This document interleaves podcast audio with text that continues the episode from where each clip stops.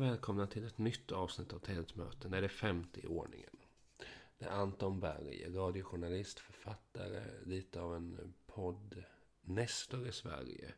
Eh, I alla fall poddförebild, för det var tack vare Anton som jag började intressera mig för poddar och eh, det kommer vi komma in i i avsnittet här. Som sagt är det femte i ordningen. Dock är det så här att under inspelningen så blev det något tjall med min eh, mikrofon. Eh, det kommer låta ungefär som att vi pratar i telefon, jag och Anton. Anton hörs jättebra. Eh, min röst kan upplevas ja, lika tråkig och så som vanligt. Men att det är ett eko. Eh, och eh, jag har suttit och försökt få bort detta i ljudredigeringen. Men det, jag vet inte hur man gör helt enkelt. Eh, men jag beklagar ljudet från min sida. Men jag tänker att man hör mina frågor och det viktigaste är att höra vad Anton säger. Så Anton hörs superbt. Det var den lilla brasklappen. Hoppas att ni kan gilla avsnittet i alla fall. Trots att det är lite tokigt med ljudet från min sida. Tack så hemskt mycket att ni lyssnar. Nu kommer Anton Berg. Hej och mycket varmt välkomna till ett nytt avsnitt av Tältmöten, det femte i ordningen. Och eh, mycket fin gäst i form av Anton Berg. Välkommen! Tack så mycket! Eh, hur känns det? Ja, men det är lite speciellt här nu när vi sitter här. Jag har strömavbrott i min del av landet i Huddinge så att eh, jag sitter här med lite värmeljus ute i skrivarstugan och myser. Men ja, jag hoppas att det går bra ändå. det låter ju mysigt. I Kalmar har vi ström i alla fall. Ja, du ser. Ja. Men eh, först ska jag egentligen bara säga att anledningen att jag bjudit in dig är ju den att ehm, eh, du var ju faktiskt en av de eh, personer som gjorde att jag började intressera mig för podd med P3 Dokumentär och sådana här saker. Eh, och jag har ju följt både Spår och P3 och brevet till Saddam nu och dina böcker och sådär så det känns det känns som det ska bli kul och jag hoppas inte att jag kommer vara en alltför stor fanboy i, i avsnittet. Men vi får se. ja, tack så mycket. Det känns roligt att, vara, att få prata med någon som har lyssnat på ens grejer noga då. Det är ju härligt. Ja, det, jag kan ju börja med att dra en, vad jag tycker är en rolig historia i alla fall. Att när jag pluggade som lärare så var det jag och en kompis. Vi, vi tyckte, när det, framförallt när det var höst, att det är inte så kul att bara liksom sitta och skriva den här uppgiften som handlar om, eh, vad vet jag, läroplanen från 64 eller något sånt där. Då hade vi som grej att vi lyssnade igenom alla P3-dokumentärer, alltså från början fram till 2020 blir det ju. Och betygsatte alla de här. Jag satt och räknade på det. De som du låg bakom hade vi gett ett snitt i 4,3 betyg av 5. Ja. Wow, vilket, vilket mastodontjobb! Ja, synd att vi inte la ner lika mycket tid på studierna, men det gick bra i alla fall. ja, men det får, jag, det får jag tacka. Det känns ju som ett jättebra betyg. Ja, men det... Ja, men man, ja, vi kommer ju prata mycket om Peter, men det, är, det var någonting med det. Dels var det en kul grej att du är från eh, Figeholm. Jag är från Hultsfred, så det är inte... Det är inte mm, flera landskap emellan och sen just att eh, men de, de du gjorde råkade falla mig och min vän då i smaken temamässigt eller vad man ska säga. Sen har ni varit många andra bra som har gjort eh, P3 Dokumentär naturligtvis. Eh, mm, ja, vad roligt. Ja, men det där med temat är ju viktigt. Sen har ju jag försökt Jag har ju aktivt liksom haft en plan med när jag valt ämnen och försökt att bredda mig Just för att man inte ska tröttna själv liksom. Ja. Men om vi, om vi börjar med det, varför blev det journalistik för, för dig? Ja, varför blev det det? Ja men det är väl inte, det var väl um, Dels tyckte jag om att skriva och Journalisthögskolan dök upp liksom på radarn då när jag upptäckte att jag var Jag tyckte om det. Och så jag, att jag skulle söka mig dit var väl ändå um, Ja men det fanns på radarn liksom. Författare det, det vågar man liksom inte ens drömma om. Eh, journalist var ju kul, man har ju läst Tintin liksom. eh, och sen eh, när det visade sig att jag kom in då var det ju bara att, att köra. Ja. Men när var detta i år och var gick du Journalisthögskolan? Jag kom ju från, jag valde natur för jag, i nian visste jag inte vad jag skulle välja och jag tänkte men, ja, men då, jag, det gick ganska bra i skolan så jag tänkte att ja, men då väljer jag något som jag kan välja vad som helst sen liksom, skjuta upp valet. Så jag gick natur men då var det ganska tydligt att de där just naturämnena var kanske inte min starka sida då. Uh, sen gjorde jag lumpen i Eksjö som 19-åring och efter det så fick man inte söka Journalisthögskolan om man inte hade 40 poäng. Så då åkte jag ner till Lund för jag hade många kompisar som pluggade i Lund och tyckte att det var grymt. Så då läste jag svenska och statsvetenskap där. Och fick ihop mina 40 poäng så jag kunde söka till journalistutbildningen. Så jag kom väl in där. H99B hette vi. Sen måste jag ha varit då, ja men 21 år. Oj! Men är det några av dem du gick med som fortfarande jobbar, jobbar kvar som journalister? Vi hade ju klassens mest lysande stjärna var ju Bo-Göran BG Bodin som har gjort en och annat eh, avslöjande efter det. Han var ju skarp redan då och man kan väl säga att förutom att han var skarp så var han fem år äldre än mig och det jag gick kanske den där utbildningen lite tidigt egentligen. Att jag hade ju liksom egentligen ingen arbetslivserfarenhet och förstod riktigt kanske inte så mycket om hur samhället fungerade. Eh, men ja, han är ju duktig. Eh, sen har vi Anders Lindberg som är eh, informationschef på LKAB. Han har gått över till the dark side men han är ju så pass grym och duktig på det han gör så att han är ju en fantastisk informationsdirektör till exempel. Ja. Ja, det finns fler som har fortsatt men det är de jag har mest kontakt med. Ja. Nej, nej men för jag kan lite känna igen för jag läste ju just det här journalistgrejen har alltid varit en, en, eh, en dröm så. Jag testade på, jag, jag utbildade kommunikatör också, testade jobba lite så lokalt. Men det, det kändes som mer som att eh, ja, jag får ha det på hobby och sen utbilda mig igen då till lärare. Men eh, ja, man får vara nöjd med det man har helt enkelt. Mm. Men, ja, det, det, är en tuff bransch, det är det ju.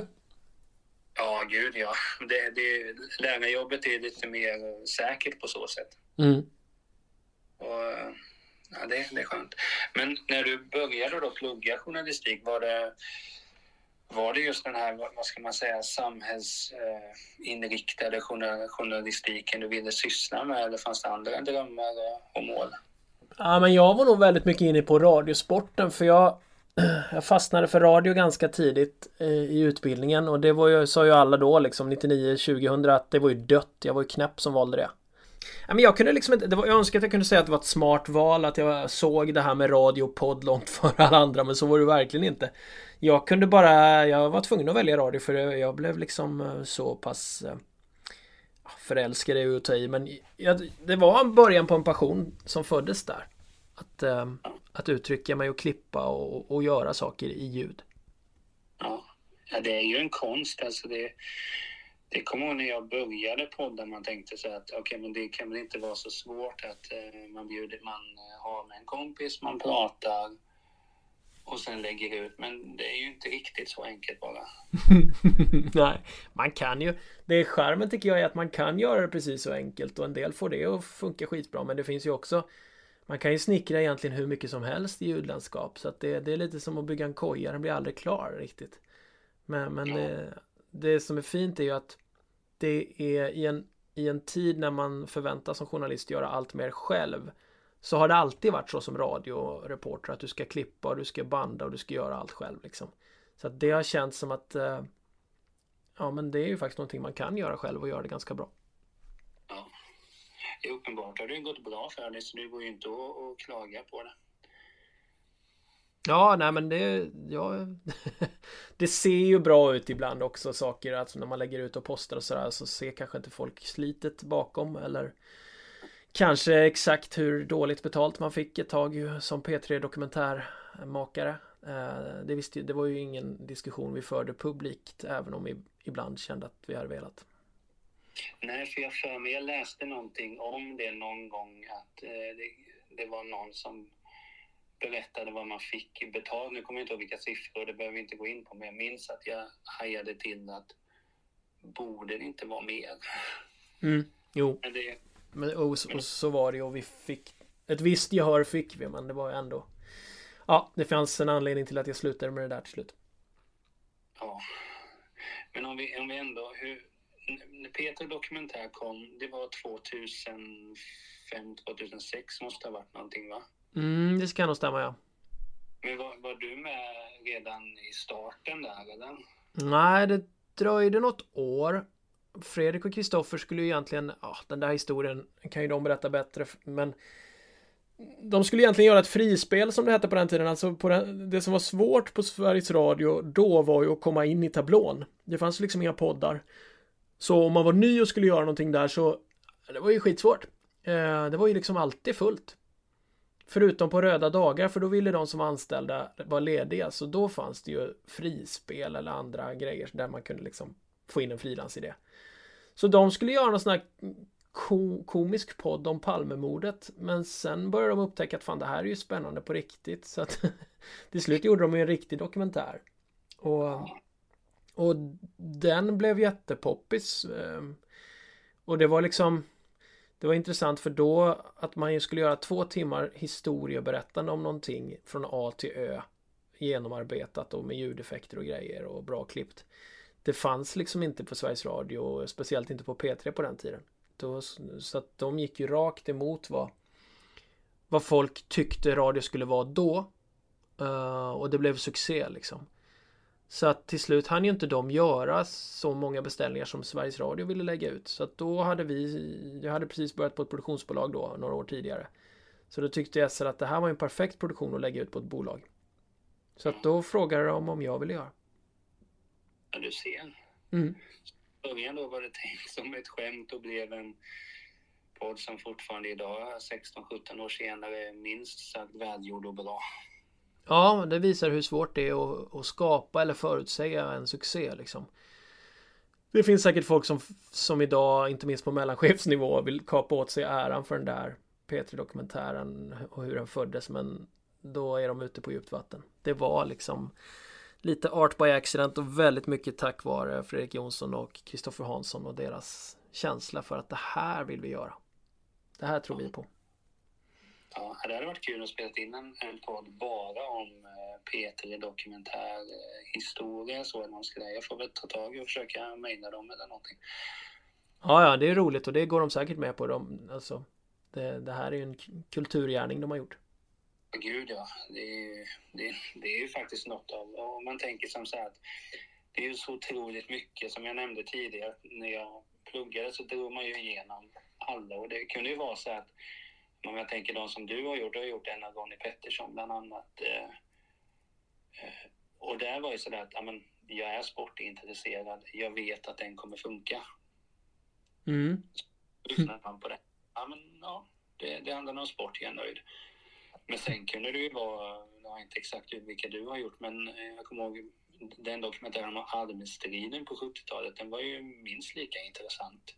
Och då lär man sig något helt annat, hur, hur allting funkade. Eller hur det såg ut och då i Stockholm, 60-70-talet, vad det nu är. Så att, så I utbildningssyfte är den ju enormt bra. Och så dyker Johannes Brost upp där också. Det är ju roligt. Ja. Den, den är ju episk. För det är väl en polis vid varje arm som släpar bort honom mer eller mindre. Ja.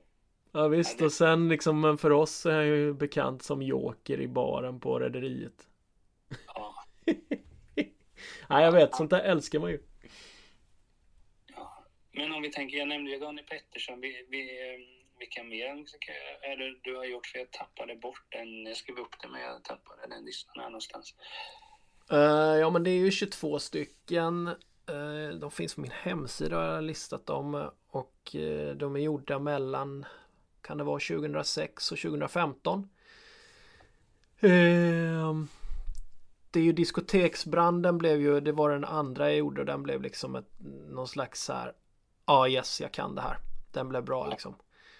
Den röstades ju fram också av lyssnarna till den bästa Ja, de första tio åren gjorde vi en sån Vilken är den bästa genom tiderna? När, när Peter Dokumentär fyllde tio år Så då vann den pris och det tyckte jag var Det är jag jätte, jättestolt över det priset um, Men sen så är det också flera som brukar nämnas i de här rånen, alltså helikopterrånet, Arlandarånet, kanske också Peter Rätz, som är sån här informatör.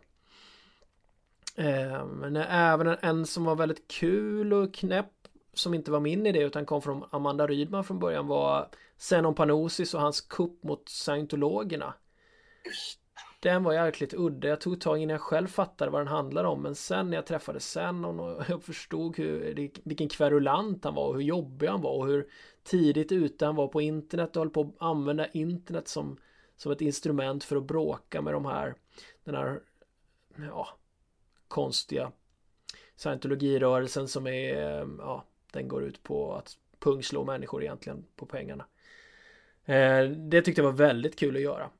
En sån här udda story som inte är så, alltså det är ju det, på ett sätt är det lättare att göra Palmemordet eller Estonia. Det, det är en så stor händelse så den kan du liksom inte riktigt misslyckas med.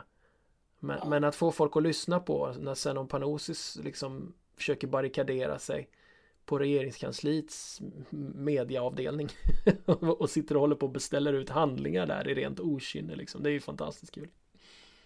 Ja, jag, känner att jag måste lyssna på den snart igen. Mixed.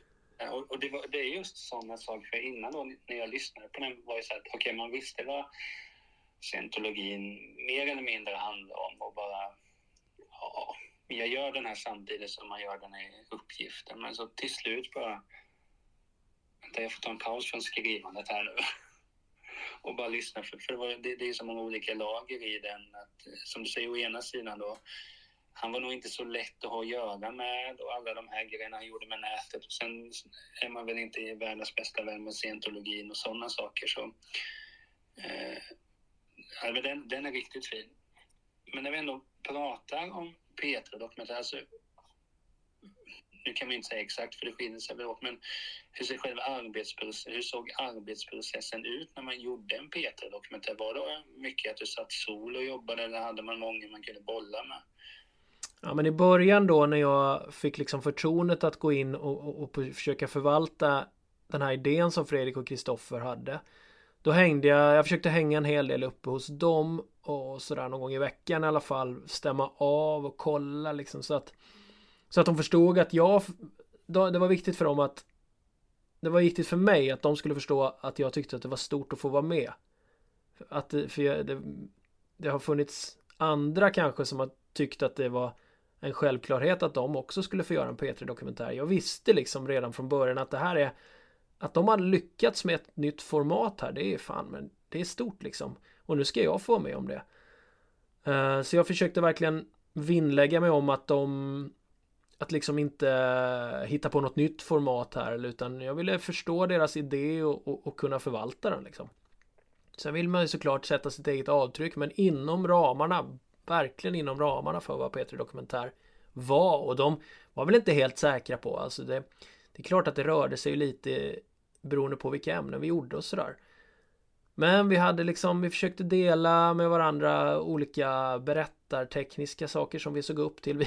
Jag kommer ihåg att jag och Fredrik Jonsson till exempel pratade väldigt mycket om Arkiv X, att de berättade på ett roligare sätt än vad vi liksom Det var ju inte så att vi hängde efter P1 dokumentär och tänkte att sådär ska en dokumentär låta utan vi lånade ju inspiration från helt andra grejer liksom.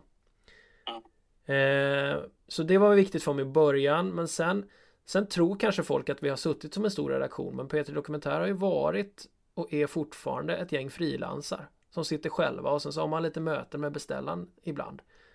SR då. Men, men oftast är det att man sitter själv eller på ett produktionsbolag och så sticker man ut och gör sina intervjuer. Man, det som är det som förenklar det lite är ju såklart att vi berättar om historier som redan är kända. Man kan helt enkelt gå in på Wikipedia, titta där och sen bestämma sig för hur vill jag lägga upp den här historien. Eh, det blir inte så mycket överraskningar på vägen. Lite blir det alltid och det är härligt när det händer men, men oftast är det ju bara att hämta in den där storyn. Bestämma sig för vilka personer är viktiga att ha med. Gå ner till radio och tv-arkivet. Vad är sagt om historien innan? Vilka ljudklipp finns? Vad får man inte missa liksom? Och sen eh, hoppas på att de här personerna man vill prata med också vill prata med en själv. Ja, det är klart. Men det tänker jag, det måste väl också bli sen, en, visst när man har gjort den första är det väl inte så lätt, men det måste väl också ha skett med tiden att det blir enklare och enklare att motivera. Första gången tänker jag mig att man måste förklara så grundligt vad Peter är dokumentären, men sen mm. större. då räcker det väl kanske med att säga att jag gör en Peter-dokumentär om... Eh, om eh, Ja, ja. Nej, men verkligen. Verkligen. I början var det ju så att man fick säga att man jobbade med en dokumentär för Sveriges Radio och då brukar folk haja till. Det är ju seriöst liksom. Uh, däremot så kanske man inte sa P3 så tidigt in i samtalet. Men det där växte ju fort så att när man sen sa P3 Dokumentär då ställde både poliser och, och skurkar upp.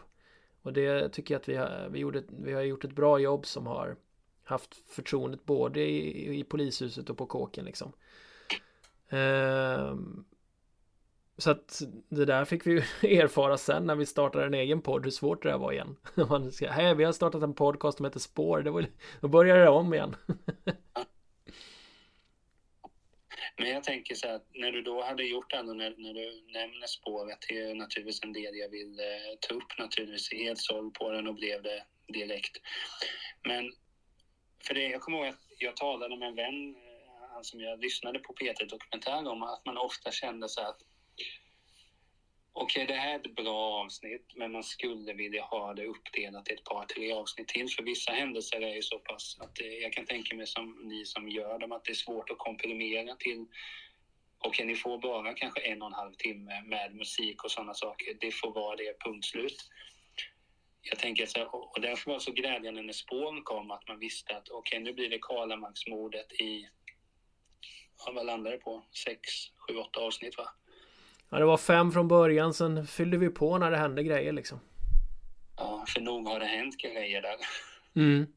Nej men det där är också, jag tror att det har hänt väldigt mycket för att när vi började göra P3 Dokumentär då var det så här, hur fan ska ni fylla två timmar i radion? Ja, det är ju musik i alla fall. Men sen, men det där svällde ganska fort alltså. Jag har ju svårt att komma under 75 minuter. Och jag tror att rekordet blev med Kvick-dokumentären som jag gjorde som är över 90 liksom. Eh, och ja, det muttras ju från musikläggarnas håll. Eh, de ville ju ha en viss musikandel då. Men eh, de förstod också att P3 Dokumentär inte är ett program som säljs in som en musik. Som ett musikprogram. Eh, men, men, det blev också, det svällde helt enkelt. Eh, I början tyckte man att det var svårt att få ihop de där långa programmen sen. Sen upptäckte man, fan, nu är det svårt att, att, att få ner dem. Och, så att eh, Sen är det ju återigen då man har ett visst antal veckor på sig. Ehm, det, det har ju med ersättningen att göra. Tempot att göra så att det höll väl också nere omfattningen av program och att man kanske höll sig till och kanske inte intervjua en person till som man egentligen kanske ville men man hade inte tid varken att träffa, intervjua eller att klippa ner eller få in den intervjun liksom. Nej. Men var det därför som ni valde du och Martin? För Martin gjorde väl också några P3 va? Ja, han har jobbat med P1 och, och irländsk och BBC, eh, brittisk radio. Du ser, du ser. Men var det därför ni tog spåret, eller spåret över, var det därför ni tog eh, och började med spåret? Ni ville, vad ska man säga, ja, att det är mer er grej eller vad man ska säga? Ja, men det fanns många faktorer där. Dels Eh, så började jag känna när jag gjort en P3-dokumentär att de började låta lite likt oavsett vilket ämne jag gjorde. Det blev en mall liksom som, som, eh, som jag ville krypa ur. Sen var det också det här att Fan jag vill hinna göra mer egen research. Nu känns det som att jag rapar upp en annans historia, andra journalisters historia. Jag vill börja göra egna historier. Eh, den friheten liksom och, och, och, viljan att gräva djupare. Och sen kom ju Serial och visade att man kan verkligen berätta en och samma historia i tio avsnitt som podcast. Och så fanns plötsligt fler fler aktörer. Det kom en ny, ett nytt gäng som kallade sig för Acast och ville bli Netflix fast för poddar och 2014, 2015 var det helt revolutionerande liksom i Sverige. Uh, och sen, ja, sen var det där med ersättningen. Man var trött på att göra ett program som bar Sveriges Radio uh, så mycket. Alltså att det var ett program som var så viktigt för Sveriges Radio, är så viktigt för Sveriges Radio och trovärdigheten. Och samtidigt bli sämre belönad. Jag hade gjort fan program i tio års tid liksom. Men jag hade sämre betalt än en eh, sommarvikarie på, e-, på Ekot har. Det där fick inte jag, jag fick inte det att gå ihop och jag blev, eh, blev bara argare och argare och bittrare över det där. Så att eh, jag kände att jag måste sluta med det här för min egen sinnesfrids skull också. Men det går väl inte, det går väl inte klandra egentligen alltså man ju så fort man pratar om poddar så kommer ju P3 Dokumentär kommer ju alltid upp på andra. Alltså, det är ju ni som har gjort som har, det är ni som har skapat de här som har gjort att det har den platsen det har helt enkelt och det är klart att det borde man ju belönas på. Ja, men det, det. Ja, men det, det har, man har ju blivit belönad på det sättet att, eh, att vi får liksom fortsätta göra spännande jobb och att man får kärlek och massa lyssnare är ju väldigt härligt liksom. Men, men till slut så till syvende och sist sätter inte det mat på bordet åt mina barn liksom. Nej, så, så är det ju. Men, men när ni då började med spår så alltså det, det är du och Martin som det är ni som, vad ska man säga, äger det. Är, är ni ansvarig utgivare också bakom det? Det borde ni vara.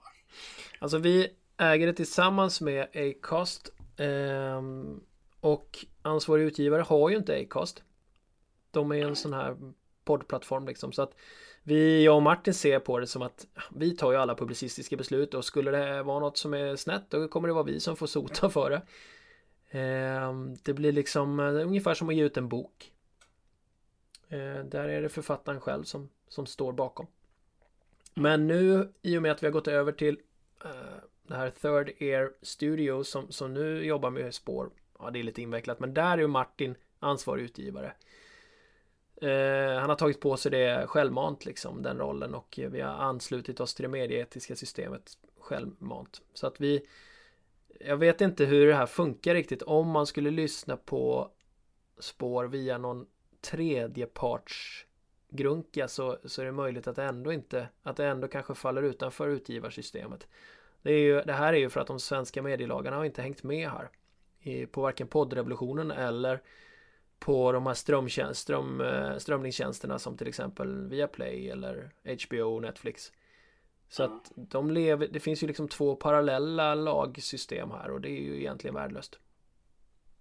Ja. Ja, i den mån jag förstod så... så... ja, nej men det är jävligt knepigt, jag vet. Men vi försöker ta ta vårt ansvar och lite mer än vad som egentligen Vi vill inte att det ska vara någon skillnad på om du medverkar i spår eller om du medverkar i P3 Dokumentär. Du ska ha samma källskydd, du ska ha samma möjlighet att göra en etisk granskning och anmäla till medieetiknämnden. eh, etiknämnden. Så att ja, vi försöker göra det vi kan och lite till. Mm. Men eh, vi håller oss kvar lite vid spår. Men hur, hur föddes den idén? Och då lämna det här P3 och gå vidare till något nytt. Det måste också varit lite läskigt att man, som du nämnde tidigare, att då får man ju börja om på nytt igen. Att nu gör vi en podcast som heter Spår och vi har tidigare gjort P3 Dokumentär och så vidare. Ja, det visst var det stort liksom. För oss var det skitspännande och, och en hel del läskigt också. Och,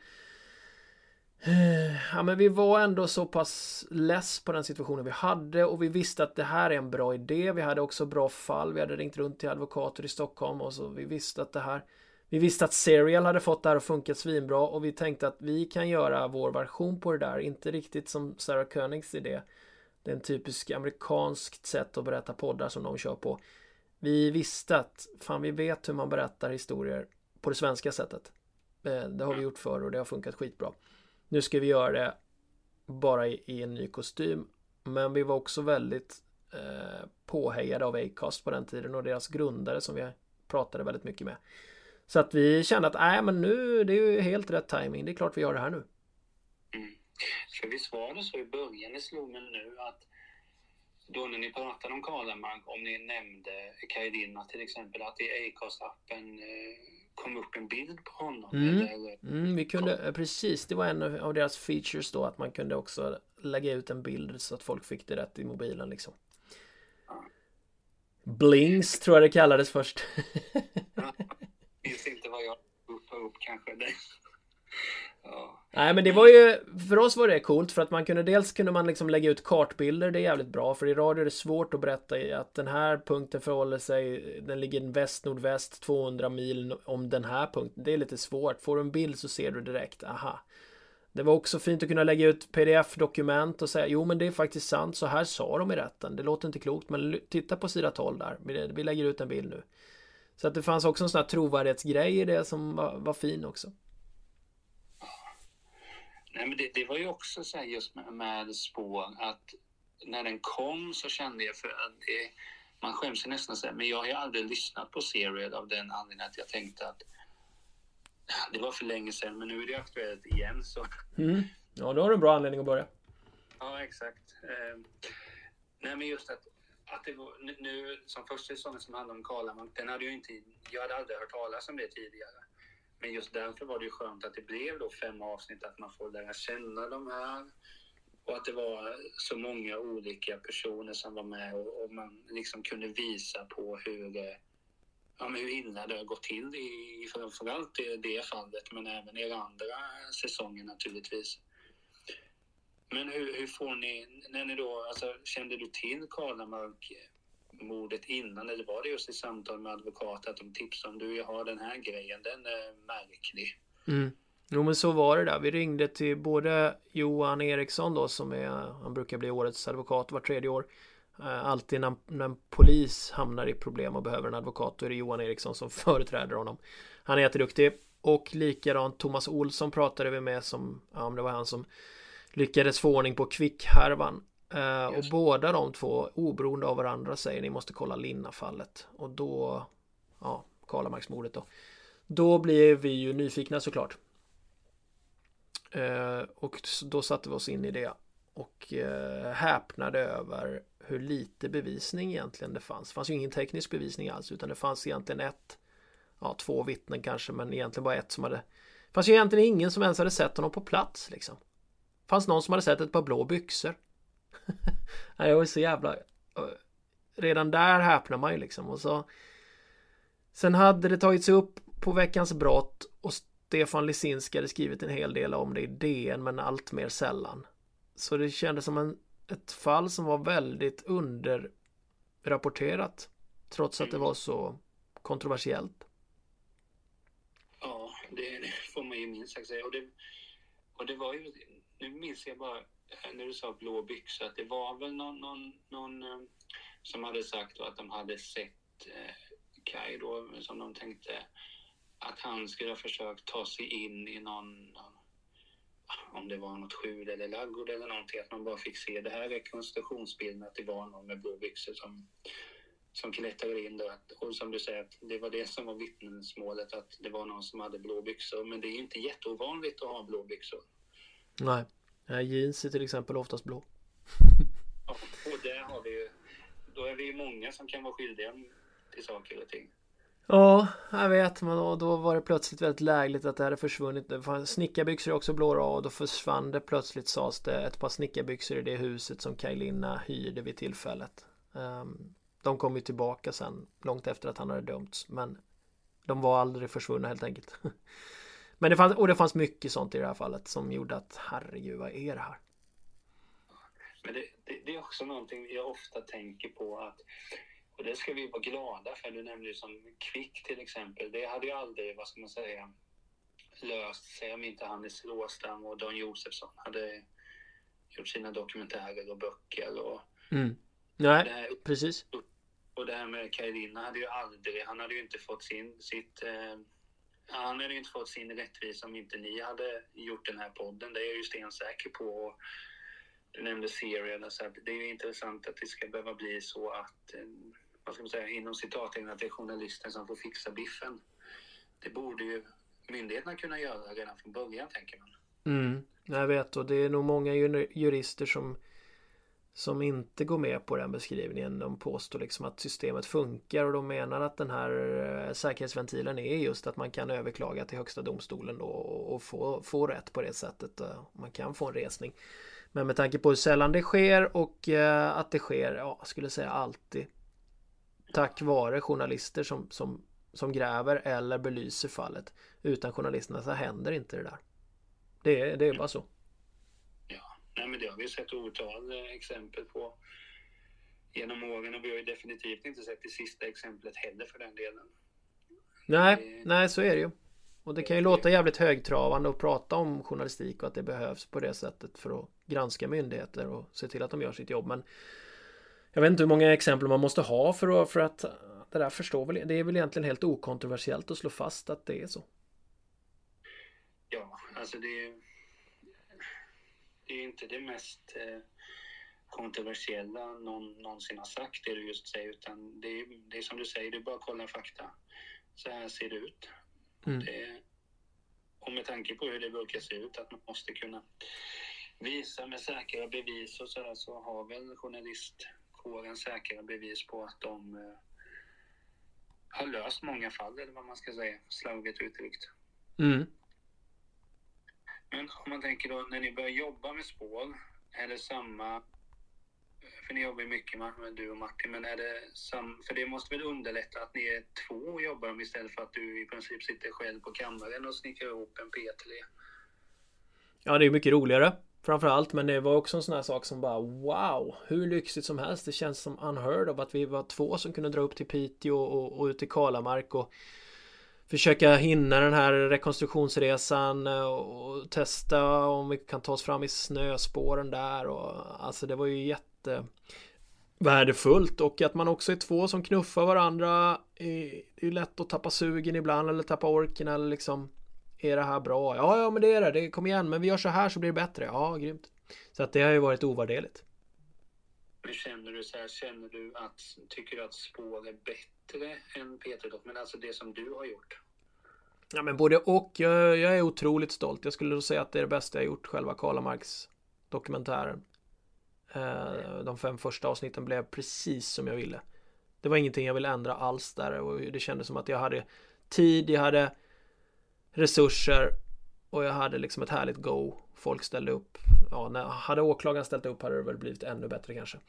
Men så att det, det känner jag är bättre än vad någonting annat jag gjort. Sen är inte alla spår lika bra och några p e dokumentärer blev ju svinbra med. Jag menar diskoteksbranden är jag också väldigt stolt över till exempel. Så att det...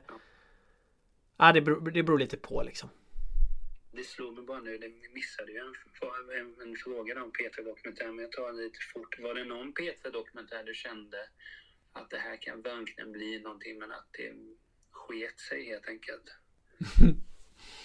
eh, hur menar du? Någon som jag har gjort som, som skulle ha blivit bättre eller någon som jag skit i att göra eller?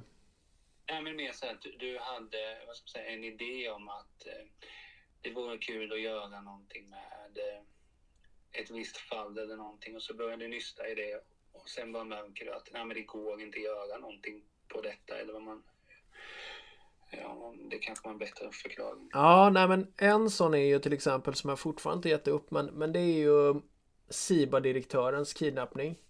Fabian Bengtsson. Den går inte att göra utan honom. Det sa vi alltid för den högg vi på både Fredrik och jag och Kristoffer tyckte att den var så jäkla sjuk liksom. Men han har ju valt att inte ställa upp. Och då har vi sagt att vi ska inte göra en dålig en dålig dokumentär om den utan honom, för det blir den ju. Utan ja. så länge han inte är med, då skiter vi i att göra den. Och nu vet jag inte, nu Den dealen var ju bara vi tre som hade. uh, nu kan det mycket väl bli så att någon ny förmåga ändå lyckas pitcha den och, och SR kanske ändrat sig så. Så det är ju möjligt att den blir av. Men jag skulle vilja göra, jag skulle verkligen vilja sitta ner med Fabian och prata om det där. För det var ju också så att jag, det var ju någonting, jag, var, jag har alltid varit ganska lillgammal men när han försvann, det var väl också mitten av, var det mitten av 00-talet någonstans där? Ja, minns inte nu så jag vågar inte säga men, men det var i alla fall en historia som var ganska aktuell. Jag minns att det var ju rykten om att han att han hade själv iscensatt det där eftersom han var ju han var ju en väldigt annorlunda direktör för de här elektronikvaruhusen för att han var ju själv med i reklamfilmerna för sitt eget. Siba var ju typ han liksom. Just det. Och då skulle det här vara en PR-kupp sades det. Men det, det, det ryktet försvann ganska fort. Men jag vet att de, de familjen tog illa vid sig av det där och det förstår jag. Det var, ju, det var en fruktansvärd händelse han, han råkade ut för. Um, så ja men det är en sån där som vi har lagt. Och sen så brevet till Saddam som vi kanske kommer in på men det var ju också en grej. Jag började med den redan 2014 och det var väl tänkt lite som en P3 dokumentär möjligen. Men så och, och eh, Ingvar Carlsson ville ju ställa upp men sa att nej det är hemligstämplade dokument här som hindrar mig. Så då la jag ju den till handlingarna och sen fick jag anledning att återkomma. Ja, men jag tänkte också på, på spåren. Det blir svårt att spå, och prata om spåren utan säsongen och föreläsa i och med att jag bor i Kalmar. Just det. Det, det är också något sådär, jag, jag, ibland undrar om jag på riktigt lever i en bubbla och inte tar in uttryck. För jag minns ju ingenting när detta var aktuellt. Och då bodde jag ändå i Kalmar allting det här. Mm.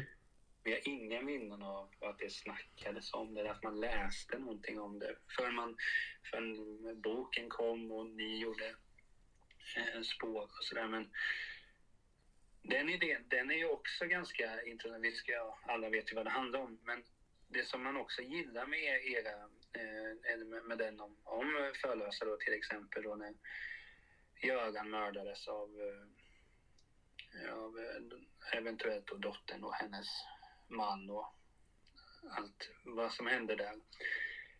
Men att det jag kan gilla som sagt, man, förstå mig rätt här nu, att man, blev, ju- man fattade ju mer och mer eh, vad som hade skett när ni gjorde podden.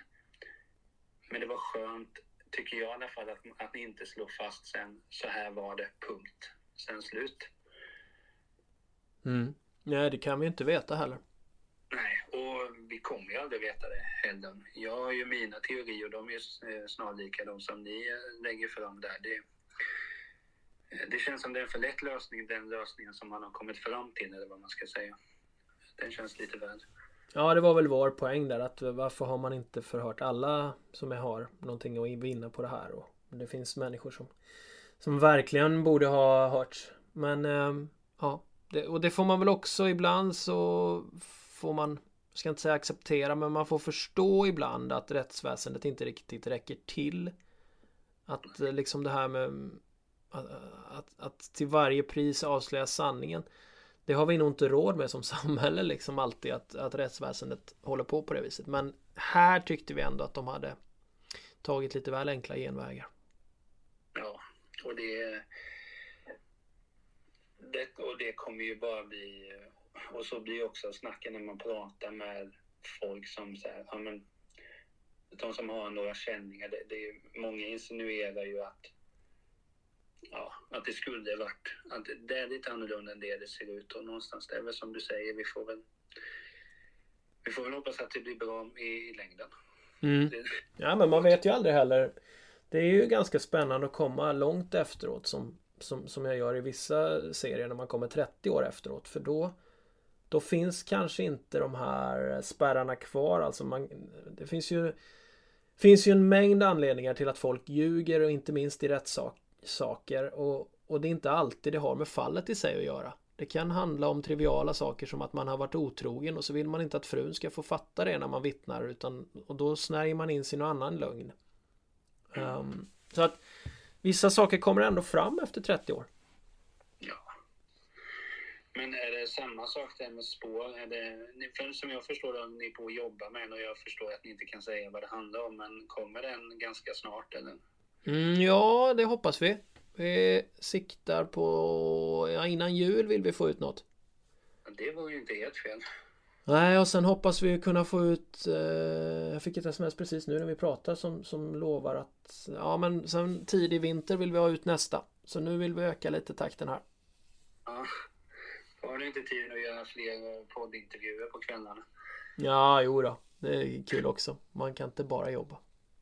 Nej, det är sant. Nej, men och då, eh, det vi skulle komma till också att eh, det är också så här att eh, som nu har jag ju förklarat hur mycket jag har följt din radiokarriär. Sen har det alltid varit så att när jag läste då att du skulle släppa en bok så tänkte jag bara, ja, det är att rusa fort som bara den till bokhandeln och hugga ett ex. Eh, när den första, det blir Aderton, första där. Mm. Och jag har alltid velat skriva själv och bara sitta och knåpa lite när man har tid. Men så kommer jag när jag läste den första Diaritan och det är ju ett, eh, det är ett jättefint eh, betyg här som jag kommer nämna. Jag blev ju knäckt när jag läste den, alltså bara jag kommer inte kunna skriva så här. Så då la jag ju ner det i två år. Just kändes att varför ska jag försöka? Så jag vet inte om jag ska tacka eller om jag ska vara arg på dig. Jag får, jag får se hur intervjun går. ja, tack. Det var snällt. Ja, Ja. det var fint. Men hur, hur kom idén om uh, Axel Sköld?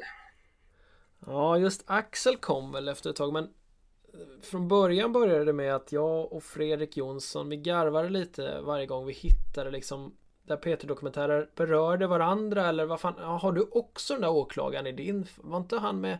Jo just det, ja men det där var ju också Ja vad heter han nu igen? Eh, oh, fan vad dumt. Eh, avlyssningsmästaren eh, Anna-Greta Leijon. Eh, ja men du vet vad han heter. Han som blev en affär. Mm. Ebbe Karlsson. Fan har du också med Ebbe Karlsson i din story? Ja och där är han. Och liksom man upptäckte att i de här stora svenska nyhetshändelserna så fanns det vissa namn som alltid verkade ha fingrar med i spelet. Och förklaringen, den rimliga förklaringen till det är ju att Sverige är ett sånt litet land och att om du kommer högt upp, inte minst eh, högt upp i den socialdemokratiska partiorganet där så, så har du automatiskt mycket makt och hamnar i de här grytorna. Men ett roligare svar på det är ju att det finns en cancerman apropå Arkivex. Eller att vi har en skuggregering, några som inte syns som styr där bakom. Och så, så börjar jag så här, varje gång jag satt och gjorde research för en ny dokumentär så så satt jag och samlade först omedvetet och sen mer och mer medvetet på de där sammanträffandena Och man, man hör ju också om det vapen, alltså militärindustriella komplexet och sådana här roliga ord. Eh, och begrepp. Så att eh, till slut så tänkte jag att ja, men fan, man kanske skulle ändå, även om jag som journalist avskyr liksom den här stora konspirationen och allt det där. Eh, det är oftast foliehattar bara som håller på med sånt. Så är jag ju, ja men du hör jag gillar Arkivex, jag gillar jag tycker liksom Da Vinci-koden var jättespännande att läsa. Som privatperson så gillar jag att bli underhållen på det där skamlösa sättet. så jag tänkte, äh, men vad fan ska jag inte ta och skriva en sån bok då? Så fick jag en förfrågan från ett förlag och då hade jag ju faktiskt en idé när de frågade, har inte du någon idé du vill skriva om? Och de hade väl egentligen tänkt att jag skulle skriva någon form av faktabok från början. Men jag kände direkt att nej, då vill jag skriva fiktivt, nu jävlar. Ja, men det är det som är. Och, och när du sa att det alltid finns personer som är lite vid stora affärer, att de alltid är Ebbe är väl en sån. Det känns ju inte som han har missat en, en som han missade en enda stor affär. ja, han var het på 80-talet. Jo, men han, det var ju också en sån här eh, person, bara jag kommer ihåg när man satt och lyssnade på P3 då, att så fort man visste att, ja men den dokumentären om Ebbe Carlsson, jag vet inte vem som har gjort det, men det var ett sånt där läge nej, nu sätter jag mig bara fötterna upp på bordet. Nu ska jag bara lyssna. Mm. Det blir lite av en sån här men som man kan tycka är skön när man tittar på tv-serier. Om man tittar på Seinfeld kan man tycka att Kramer är lite skön i det på det här sättet att han är ju ingen människa egentligen. Det är något väsen. och, Ebbe ska likadant vara där också. Och här. Och här. Där. Ja. Så han hann med mycket under sin tid.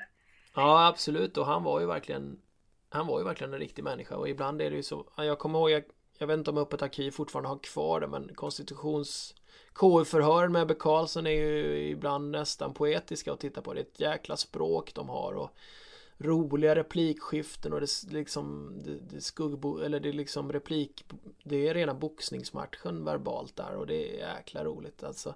Ja, då får jag citera från min egen rapport. Ja, det gör du så gärna. Älskar det. Ja, men det, det är ju sånt där man kan slå ihjäl tiden på. Att nu, jag minns att alltid när det är valtider går jag tillbaka till som jag nämnde tidigare, att man är ganska lillgammal och sådär och, och, har växt upp i någon form av arbetarklasshem. Att, att jag går tillbaka ibland och kollar lite kring från valrörelsen 76. Oj! Det, det var det ju också, det kändes som en bra tid. Och med Palme och Fälldin, att de, de var väl inte... De kunde snacka de två på, mm. på ett väldigt bra sätt. Så. Och idag känns det inte lika... De är inte lika slagkraftiga eh, numera. Nej, eh, det där var ju verkligen den känsla jag fick när jag jobbade med brevet med Saddam. Ja, ja den är, som sagt, jag mejlade att jag lyssnar ju klart den i veckan och känner redan nu att det är inte dags att lyssna igen om man har missat någonting. Ja, den var så extremt bra. Vad kul, tack! För att den, den kändes som en liten chansning ändå. Det är ing, alltså när man går från true crime som vi ändå har gjort, som man vet är ganska safe. Vi vet att det är publikt liksom det har en inneboende spänning och det är på absolut liv och död. Och sen så går jag till en sån här historia som är lite mer luddig och mer politisk och mer, eh, ja men lite mer vuxen skulle jag nog säga. Så var jag ganska nojig ibland i stundtals och tänkte att det är väl bara jag som går igång på det här, eller? Nej. Ja, så att det har varit lite Ja men det har varit stunder av, jag ska inte säga tvivel, men ändå tveksamhet så här. Är, är det här verkligen, kommer folk haka på här? Men det, ja, hittills har jag fått bra, bra feedback. Ingen har varit arg. Du blir kallad för broder av Carl Bildt också. Ja, bara en sån sak. Ja, det, bara det är väl värt mödan, tänker jag. Ja, men den dagen garvar jag rätt mycket. Ja, men när du nämnde det så bara i huvudet, jag var tvungen att pausa bara, hur låter det när Karl säger broder? Ja. Om man bara tänker att det måste låta ungefär på det sättet. Men apropå böckerna, vi ska snart komma in på, på Saddam-historien. Det som också är så skönt med de böckerna som jag fastnade för, Diadeton och i, i den där att alla de här referenserna till Peter, dokumentärer och karaktärer, det, det, det känns ju som det är en, en form, alltså det känns som att på ett bra sätt, att det känns som att det här är en gåva till oss som har hängt med från den tiden. Det kändes som när jag läste det, att så här, jag fattar nu vem han menar. Jag vet, jag vet vem Ebbe Carlsson är. Mm, vad roligt, för det kändes verkligen så när jag skrev att det var viktigt att liksom använda de där små påskäggen hela tiden som små blinkningar till läsaren att eh, ja, ja, men ni vet och ni, och ni har koll på det här och det här är väl roligt liksom. Eh. Sen vet jag inte, du känns ju given då som en perfekt läsare. Sen vet jag inte hur många andra som, som tog alla, men jag hade någon sån här Instagram-tävling ett tag. Hur många referenser plockar ni liksom? Vilka P3-dokumentärer har ni varit, ja, liksom? Och det, det var ett gäng som faktiskt plockade 15-16 stycken och det, nog, det tror jag var rekordet. jag vet att eh, min mamma som inte lyssnar så jättemycket på poddar, så hon gillade böckerna också. Ja, vad kul! Toppen! Vi, vi brukar låna dem till varandra. Sen vill hon inte låna ut böcker. Sen vill hon inte låna mina böcker när hon hävdar att jag är så fjantig att man inte får vika sidor och sådär. Men det är en dispyt. det är bra. Min mamma var bibliotekarie så jag är på din sida. Då har jag vunnit där kan man säga. Men är det någon ny eh, Axel Sköld eh, på gång där eller? Ja, tredje delen som ska avsluta den här trilogin då. Den kommer i vår. Jag tror april kanske. Oj. Så att jag håller på att redigera den just nu. Jag har precis skickat iväg den andra redigeringsrundan. Då krympte den med 6000 ord och 20 sidor. Men det var bra, det behövdes. Den behöver tajtas till lite. Ja men det blir kul. Då, då får jag mejla om och köpa ett signerat ex av dig där. Ja, ja. Gärna det. Helst skulle man ju vilja komma ner till Kalmar. Ja, är du här så lovar jag att jag knallar bort. Så, Har ni någon bra bokhandel? Ja, jag går ju alltid på um, Didbens bokhandel. Men uh, nu måste jag förklara. Jag är så dålig på att förklara var saker och ting ligger. Jag vet ju vad Baronen är. Ja, men det är om du... Alltså pinsamt det här blir. Men om, vi tänker att du går Baronen upp mot... Eh, åh, så pinsamt. Ja, men usch, över de Så vid kullerstenarna och, ja. och sådär. Ja. Så är det ju mitt emot kvasten, heter det kvasten? Typ snett mitt emot kvasten. Eh, det var ju ett köpcentrum. Ja, just det. Jo, men jag är med. Jag köpte min snowboard där en gång. Ja, du ser. Ja. Och sen, Akademibokhandeln är ju mitt emot Systembolaget. Just det. Ja, ja, ja. Vad fan hade du sagt mitt emot Systembolaget? Jag hittat direkt. Ja. jag betvivlar hur man hittar. Alltså, ja. Uppenbart får jag gå dit oftare. Eller hur? Ja. Nej, men så det hade varit kul. Men om vi, om vi då lämnar Axel och går in på Ingvar och eh, Saddam bland annat. Du sa att du hade, och det nämnde ju podden också, att du hade den idén redan 2014. Mm.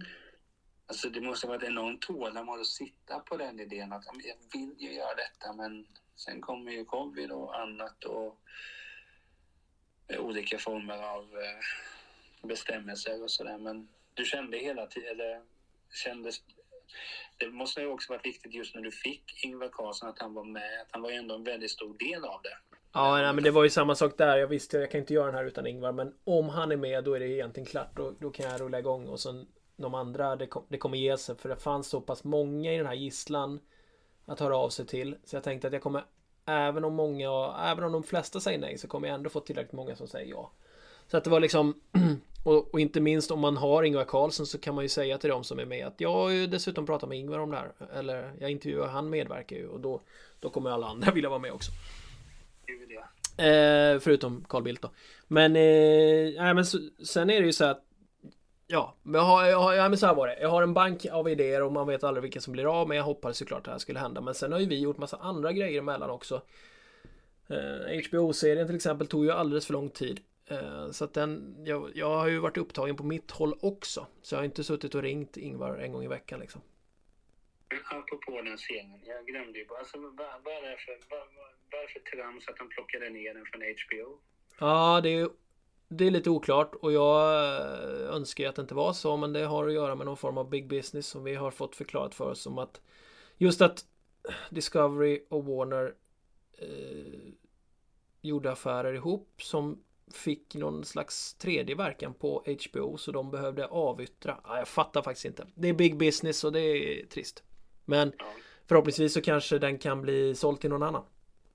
Ja, den glömde ju nästan, jag glömde bort nu att ha gjort. Men det var ju också en sån här grej att... För där hade ni ju med alla. Alla var ju med, alltså de som lever då såklart. Men Helge var ju med och Sara och Genbäcks och... Ja, Åsa var väl inte med i och för sig men... Nej, vi försökte länge då.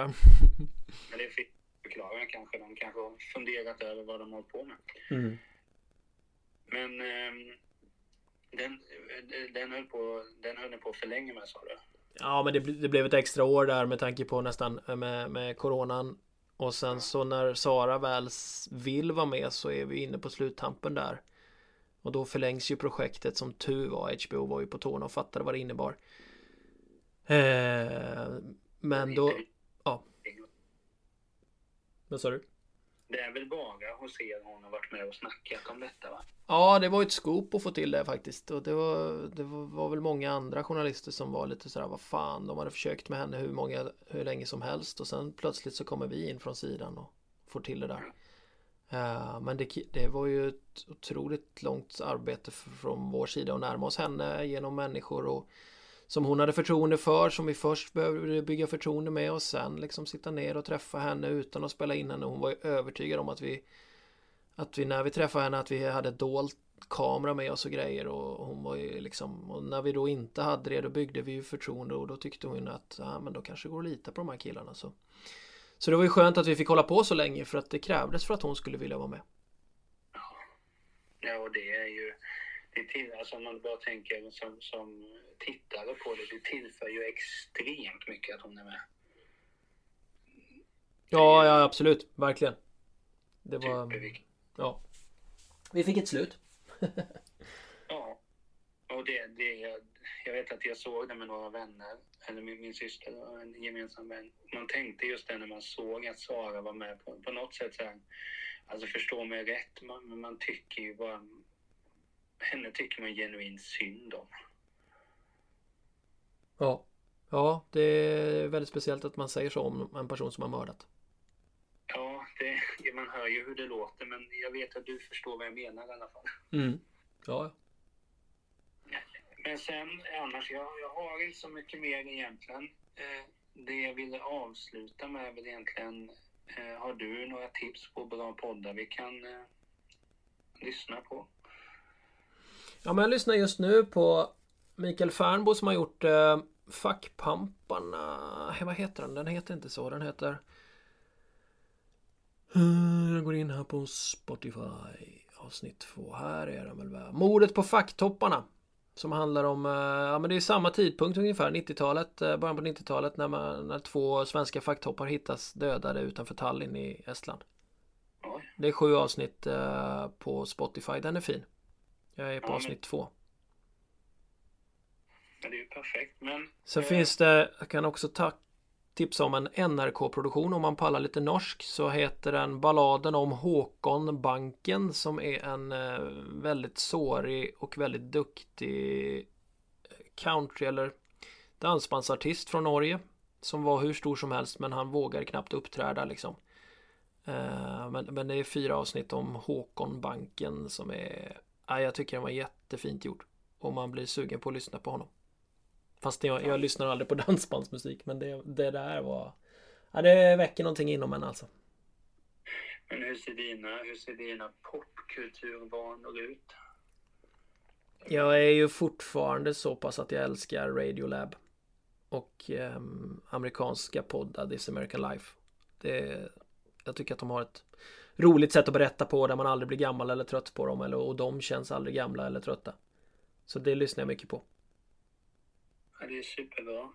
Men eh, eh, jag ska inte hålla dig så mycket så du kan eh, eh hänga med familjen där. Eh. Ingen fara. Eh, nej men vi pratade ju lite om Ingvar Carlsson där och hur, hur roligt det var att få göra den podden till slut. Det var ju fantastiskt att han dök upp och Men det slog mig också med de här människorna som, som råkade ut för den där historien där med Saddam och krig och grejer. Att det var liksom Ja men det var sjukt att de eh, inte verkar ha pratat om det här på 30 år. Och det har nog att göra med att man liksom inte såg det här med att gå till psykolog. Det gjorde man fan inte 1990. Nej. Och det hade de behövt liksom. Och ja, det, du, ja. är ledsen när du berättar att det var väl minst två par som hade gått ifrån varandra just för att Ja, de nämnde väl att det här var ju det som gjorde att det blev så. Mm. Och det är ju jättetrevligt. Ja, eller hur? man kan- Ja, eh, det är ju hemskt att vara med om något sånt här. Det, det är ju... nej det är inte kul. Men vi är ju desto mer tacksamma att du gjorde den podden och hoppas och, och längtar till eh, nya poddar helt enkelt. Ja. Jo, men jag har en ny, jag har en ny story på gång som jag är riktigt sugen på att få ut. Men det blir till våren. Men det, då ska jag ta er med på en resa runt om i Europa faktiskt. I jakten på, ja, vad då egentligen? Vi får se vad som Ja. väntar i regnbågens slut där. Det är en helt ny grej jag har gjort. Jag har aldrig gjort något som är så flummigt som där. Men det, jag är såld på det redan nu. du är snäll. Alltså, får du med då också. Eh, Nej, men det har varit som sagt, det har varit jättekul att snacka med dig och det känns ju extra kul när man har hängt med genom eh, karriären så på håll och, och sånt. Det, nej, det blir bara kul och sen personligen tycker jag att det, det blir kul nu när du både är då på spår och de här nya poddarna och böckerna. Det känns som att man aldrig får nog och jag vill inte få nog heller. Ja, men det, det är jag som tackar. Det är tack vare dig och andra med din goda smak som gör att jag får hålla på. Inte ofta man hör att man är god smak. Det, Ja, men det måste vi slå fast. ja, du och jag det i alla fall. Yes.